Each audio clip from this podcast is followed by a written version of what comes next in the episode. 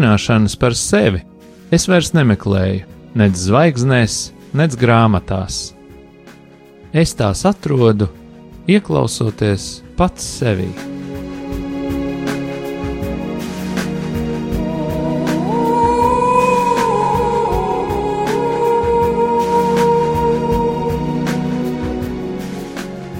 Raidījums Mīlestības terapija top mīlestības mājai, sadarbojoties ar profesionālo pastorālās konsultēšanas asociāciju.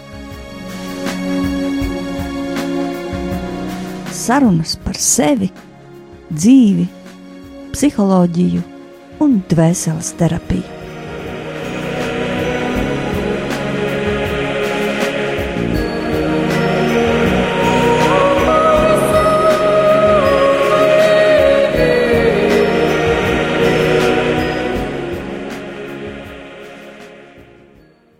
Labvakar, mīļie radio Marija klausītāji! Šovakar pie jums raidījums mīlestības terapija.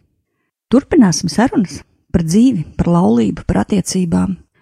Un kad laiku esam runājuši par vīrišķību un to, kā klājas vīrietim un kā palīdzēt vīrietim, kā stiprināt viņu, kā mēģinājuši dot kādas ceļa zīmes, tad šodien mēs gribam mazliet to sviru nolikt uz otru svara kausu un parunāt par sievišķību, par sievieti, par dažādām lietām, kas skar sievietes, jo sieviete ir gal galā otra pasaules daļa un ļoti būtiska.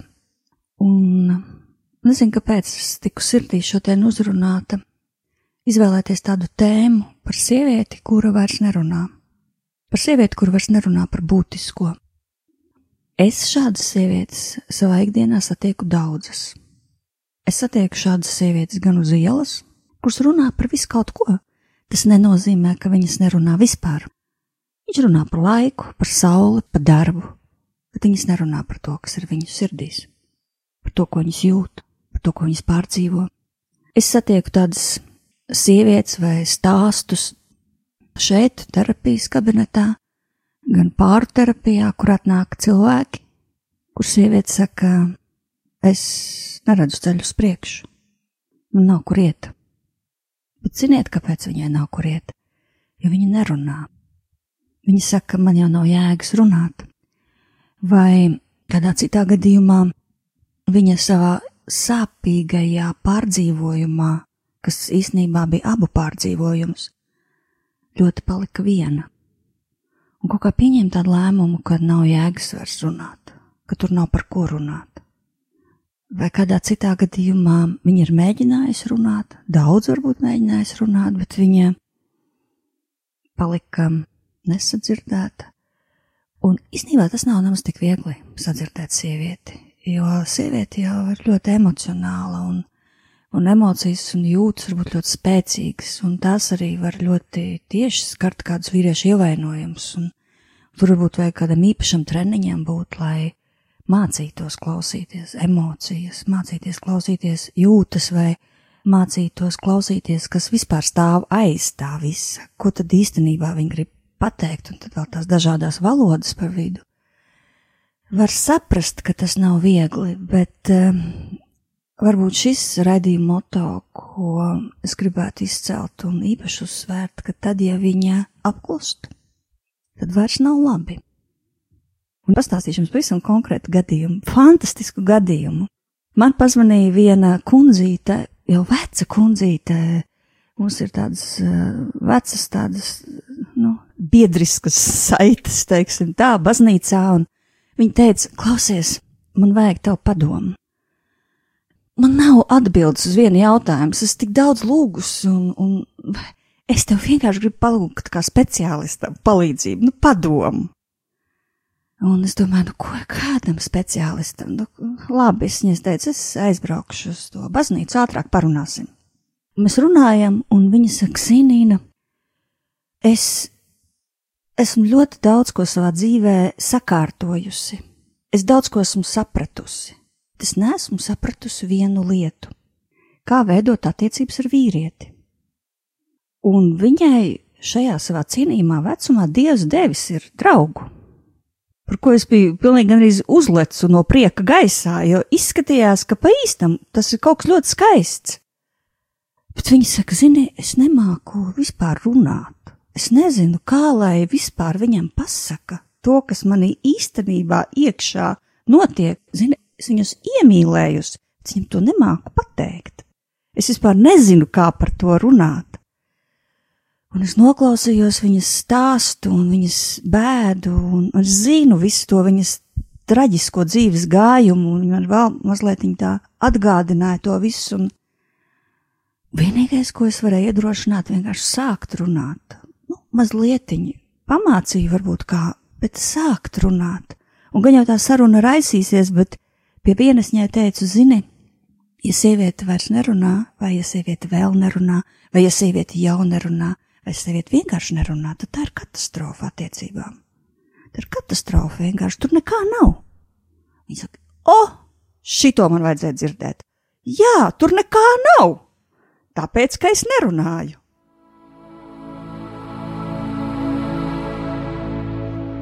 May it be the shadows call.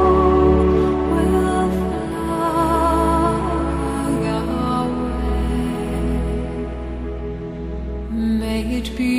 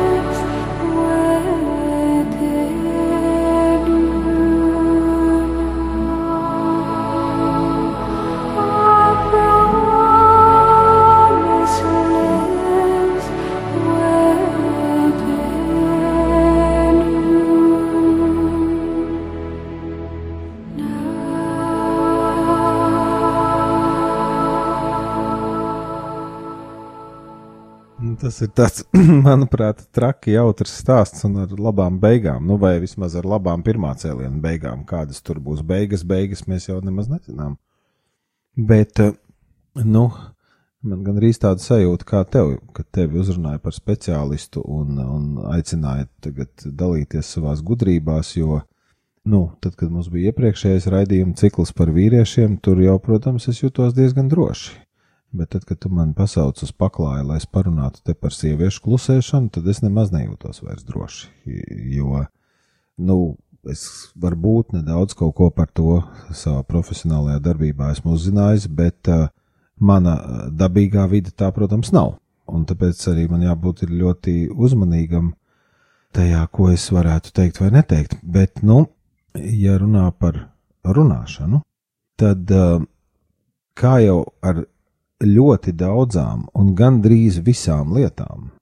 Es sacītu, ka ir tā, ka pirms mēs nonākam pie tā, kad mēs sakam, sieviete klusē, vai nezinu, vīrietis klusē, vai bērns klusē, vai kāds klusē, pirms mēs to padarām tādu ļoti specifisku un piesietu kaut kādam vienam konkrētam nišas produktam, ja tā var teikt, ir, ir varbūt vērtīgi saprast, kādi ir tie vispār lielie lielās konstantas un lielās patiesības par runāšanu vai par nerunāšanu.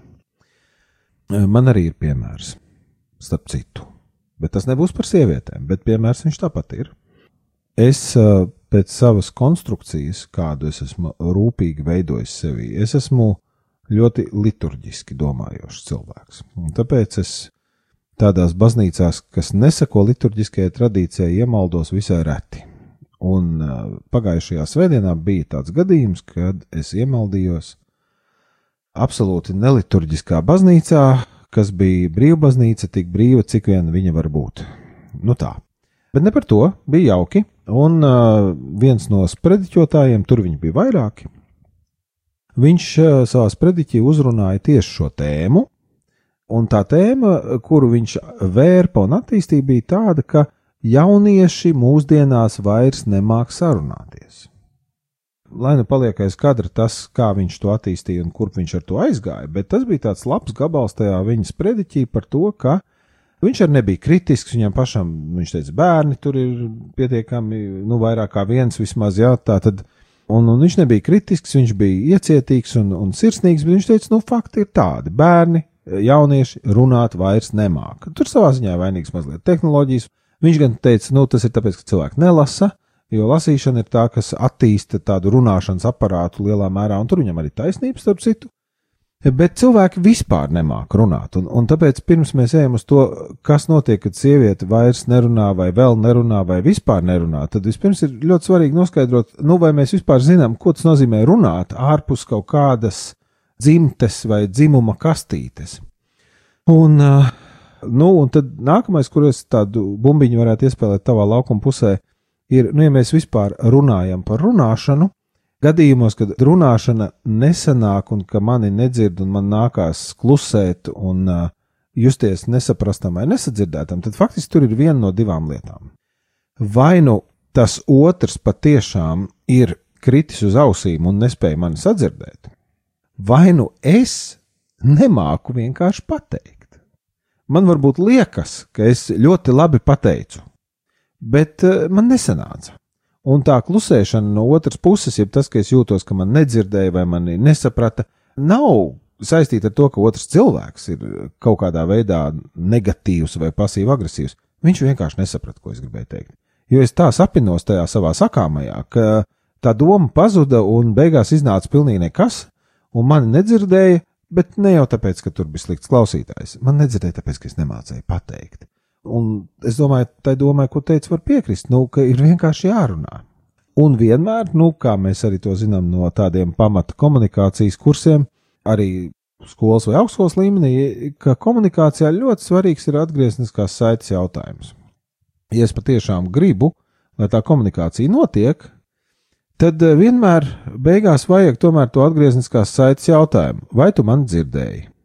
Ko tu saprati no tā, ko es teicu? Vai tev ir kaut kas piebilstams pie tā, ko es teicu, un, un kas tas ir saistībā ar to, ko es teicu? Nu, tur dažādi tos jautājumus var izcakot, bet ideja ir tāda, ka nepietiek vienkārši pateikt. Ja es gribu, lai saruna norisinās, man vienmēr vajag pielikt atgriezniskās saites gabaliņu klāt un pavaicāt, nu, vai tu dzirdēji, vai tu saprati, Un vai tu zini, par ko es vispār mēģinu runāt? Un, ja cilvēks saka, nē, es tevi nesapratu, un es nezinu, par ko tu mēģini runāt, tad ir jārunā mazliet savādāk. Un manos novērojumos bieži vien šī apklušana vai nerunāšana, jāsaka, tagad no sievietes puses, ir saistīta ar to, ka sieviete ir mēģinājusi ļoti, ļoti daudzas, gandrīz vai neskaitāmas reizes teikt vienu un to pašu vienā un tajā pašā veidā. Vienīgais, kas mainās, ir intensitāte un oktāvas. Tās laikam ejot pieaug, un tad vienā brīdī sieviete kliedz, bet viņa jau kliedz atkal visu to pašu, nekas jau nav mainījies. Viņa kliedz to pašu, par ko viņa divus gadus ir runājusi, un tad viņa saprot, ka arī kliēkšana nestrādā, un tad iespējams viņa apklust. Bet ir jautājums, nu, kā būtu, ja tu pamēģinātu savādāk? Jā, tas ir liels jautājums, kā savādāk, bieži vien. Bet es vēl tomēr kādu solīti atpakaļ gribu paspērt un mazliet viņa varbūt pārdomāt, kāpēc viņa apklusa, tomēr, kāpēc viņa vairs nerunā. Jo, lai mēģinātu savādāk, lai vispār sāktu eksperimentēt, jau ir jāsagrib vispār vēl kaut ko teikt. Un tad tu vari mēģināt šā vai tā, un meklēt kā, bet ja tev vairs negribās neko teikt, tad, nu, tad ir jāsaprot, kāpēc negribās, kas ir noticis, kas ir salūzis iekšā, vai kas ir nomiris iekšā un ko tev gribās. Vai tev gribās to nomirušo apglabāt kapā un uzlikt krustu virsū, vai tev tomēr gribās ļaut tam augšām celties, dzimt vēlreiz? Vai tur ir kaut kāda iespēja dzimt vēlreiz? Nu, laba laulība jau man liekas, tāds ceļš, kas iet cauri daudziem gadiem, nu tur man gadās gan nomirt, gan atkal celties augšā un atkal nomirt un atkal piecelties. Nu, tāds nu ir tas ceļš. Bet eh, nu, tajā brīdī, kad tu nomirsti un kad tu apklusti un kad tu nerunā, tad priekšattiecībām tas ir pilnīgi nu, tukšs zemē nomests laiks.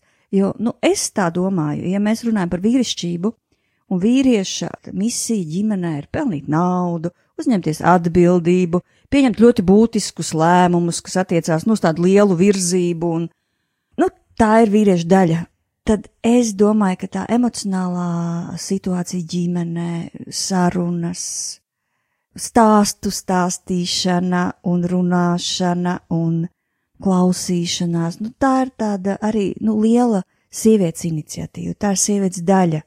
Tas ir tas, kā viņa ieguldās, tas ir viņai iedots no dieva, tā ir viņas dāvana.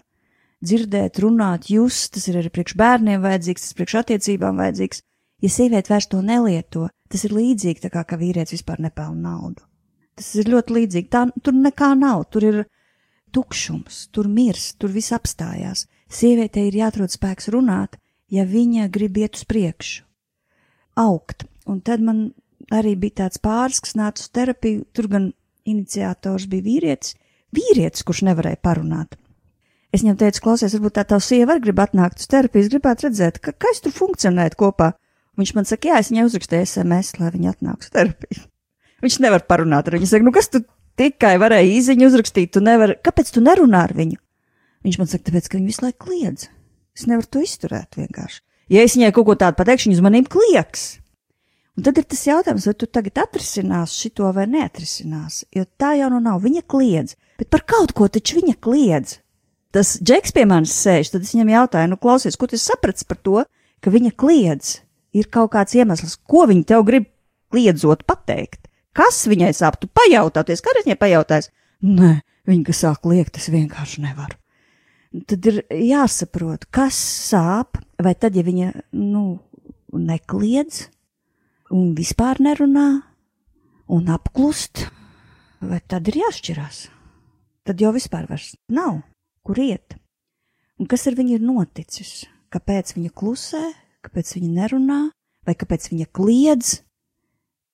Protams, es domāju, ka tur ir divas daļas tam, kas ir noticis. Ja reiz viņš pajautātu, kas tev sāp, ļautu viņai izteikties, un pēc tam pats bišķi pašķirotu, tad tur būtu divas daļas. Viena daļa reāli, ko viņš viņai ir nodarījis, tāpēc, ka mēs viens otram nodaram pāri, nevis tāpēc, ka mēs esam ļauni cilvēki, bet tāpēc, ka mēs, nu, mēs kļūdāmies, mēs neesam svēti, mēs ievainojam viens otru netīšām, tīšām arī citreiz visādi. Bet otra daļa, es domāju, ir arī tā, ko viņa cietusi ir bērnībā, viņas stāsts, viņas iepriekšējā vēsture, pieredze, tas ar viņai sāp. Viņš vienkārši uzmin uz tām sāpīgajām vietām, un tad viņa kliedz. Bet varbūt tas nemaz nav par viņu. Nu, 50% noteikti tas nav par viņu. 50% varbūt ir atkarībā no cik liels tas attiecības stāsts ir. Bet um, vienmēr ir vērts pajautāt, kāpēc tu esi apklususi, un tikai tad domāt, kā nu, tālāk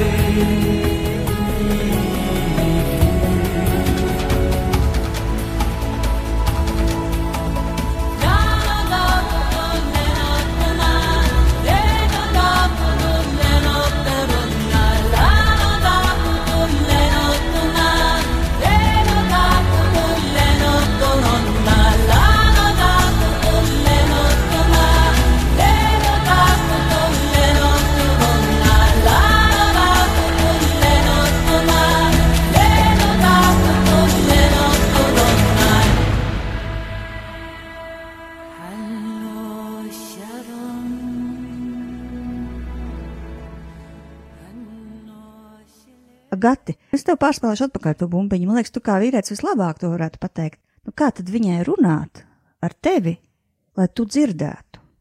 Piemēram, par eh, kādu situāciju, kas ir sāpīga ģimenē, kas skar tevi, jo viņa nav apmierināta droši vien ar tevi par kaut ko.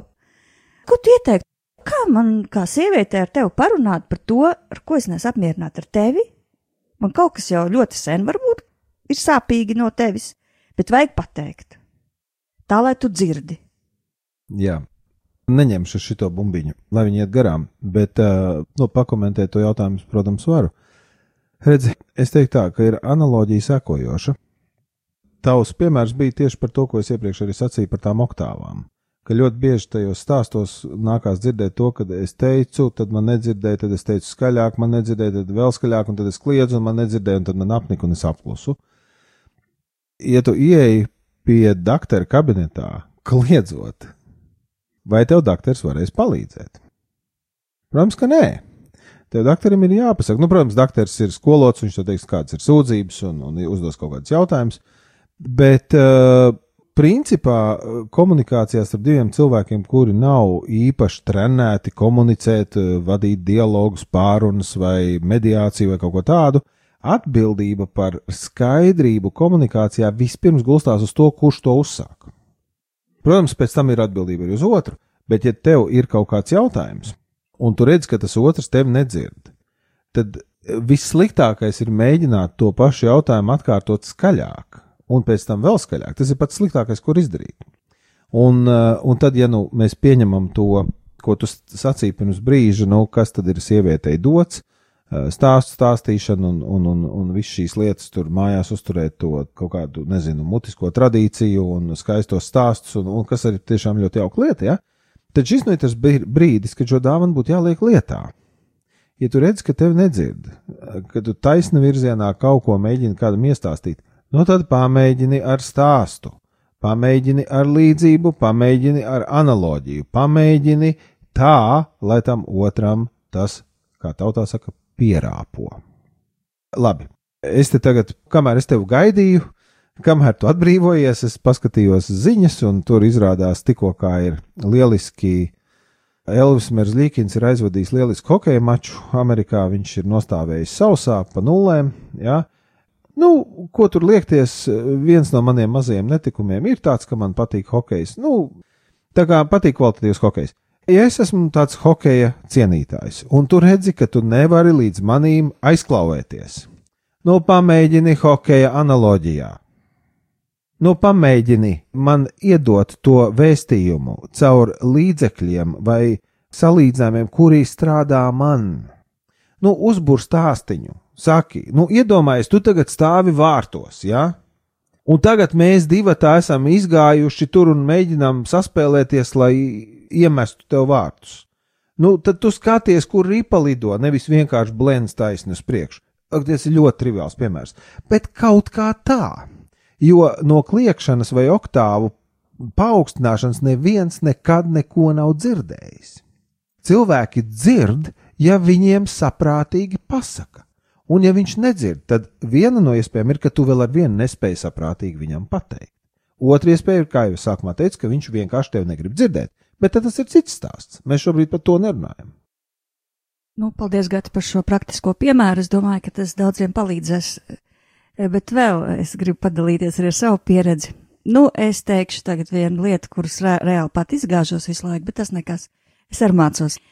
Tad, kad mēs esam arī laulībā piedzīvojuši ļoti tumšus laikus ar vīru un daudz kam izgājuši kopā cauri, bija laiks, kad mūs izglāba rituāls, ko mēs abi divi iekopām tajā tumsā. Nu, vienu stundu dienā runāt vienam pa otru tikai labu. Nu, tāpēc, ka mēs bijām aizgājuši, vienkārši mēs redzējām tikai visu to sliktāko. Un tas mūs izcēlā ārā no baigās tumsas. Bet eh, šodien man ir dažreiz ļoti grūti, ka man tur tās emocijas aiziet pa gaisu.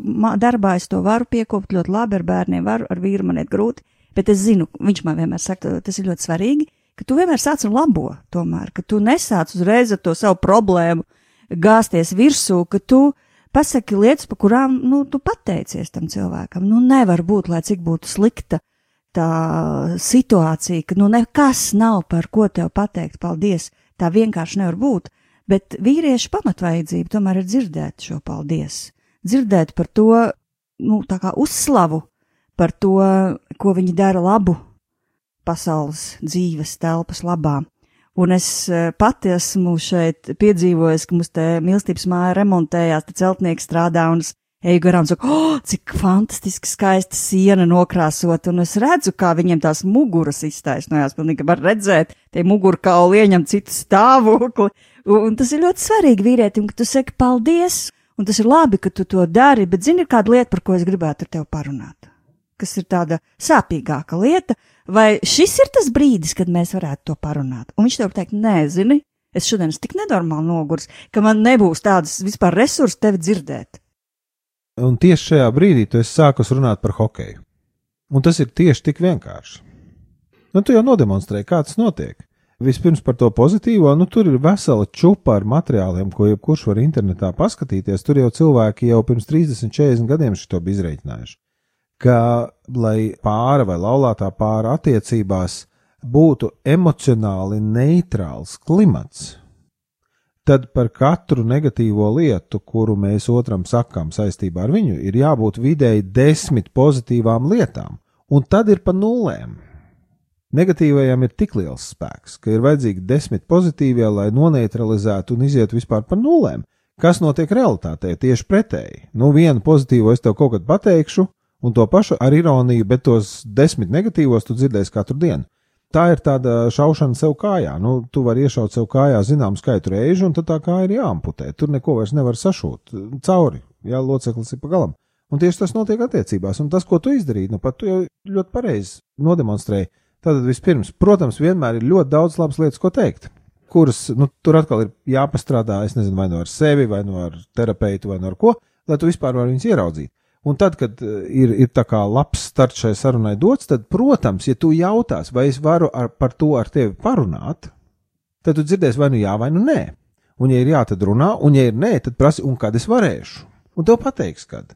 Un tad, kad tev pateiks, tad tu arī tiksi varbūt sadzirdēts vai sadzirdēta daudz vairāk nekā man ļoti patīk šis piemērs par tiem krāsotājiem, ja, Nu, tagad krāsotājs stāv pakāpies uz tām atlienamajām kāpnītēm, viņam ir viss seja ar krāsu, viņam ir uz brillēm krāsu pleķi, un viņš tur kaut ko pinzelē uz griestiem, un tu viņam atnāc, saka, nu, klausies, man te tagad tāda svarīga saruna ar tevi, jā, tagad pieslēdzies, man te vajag, viņš krāso, liec viņu mierā. Bet to gan viņš tev varētu pateikt, klausies, kad tu būsi brīvs un kad tu būsi nokāpis un uh, nomainījis drēbes un nomazgājies, un vai tad es varēšu tev parunāt? Un viņš pateiks, jā, nu, pēc pieciem un tad pēc pieciem šī saruna notiks. Uh, un tad skatāmies, kā viņi tālāk atrisinās, vai ne?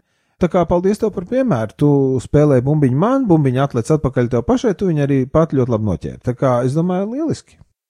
Un noslēdzot raidījumu, man sirdī ir lūgt par tām sievietēm, kuras ir apklusušas kaut kādu iemeslu dēļ. Viņas pašas zina, kādu iemeslu dēļ šo atraisīšanās dāvanu, tā kā sievišķības atzimšanas dāvanu sagatavosim savu sirdi, atvērsim to lūgšanai. Es lūdzu, kungs, ka tu nāc katrā sirdī, kas ir šodien atvērusies tavā priekšā, kā zieds. Varbūt tā ir sāpoša sirds, varbūt tā ir aizcirtusies sirds, varbūt tā ir slimas sirds. Tu, kungs, visu redzi, nāc katrā sirdī, runā ar katru, kas lūdzās. Es iestājos par sievišķību, par sievietes dabu, par sievietes spēku, par sievietes ticību, par sievietes ticību, kurām uzvar tumsu. Un nāc kungs ar tādu atraisīšanās, svētā gara dāvanu, ar atklāsmi, ar dziedinošu atklāsmi pie katras sievietes, kurai trūkst vārdu, lai izteiktu to, kas viņā iekšā. Varbūt pie sievietes, kurai nav vispār nekādas pieredzes, ka viņa var tikt dzirdēta, kurai nav pieredzes, ko teikt. Nāc svētais gars, nāc dieva gars, nāc cietinošais gars, nāc atbrīvojošais gars, nāc mierinošais gars, nāc mīlestības gars, svētī, dziedini, atjauno dari visu jaunu. To visu mēs lūdzam Dieva Tēva, Dēla un Svētā gara vārdā. Āmen!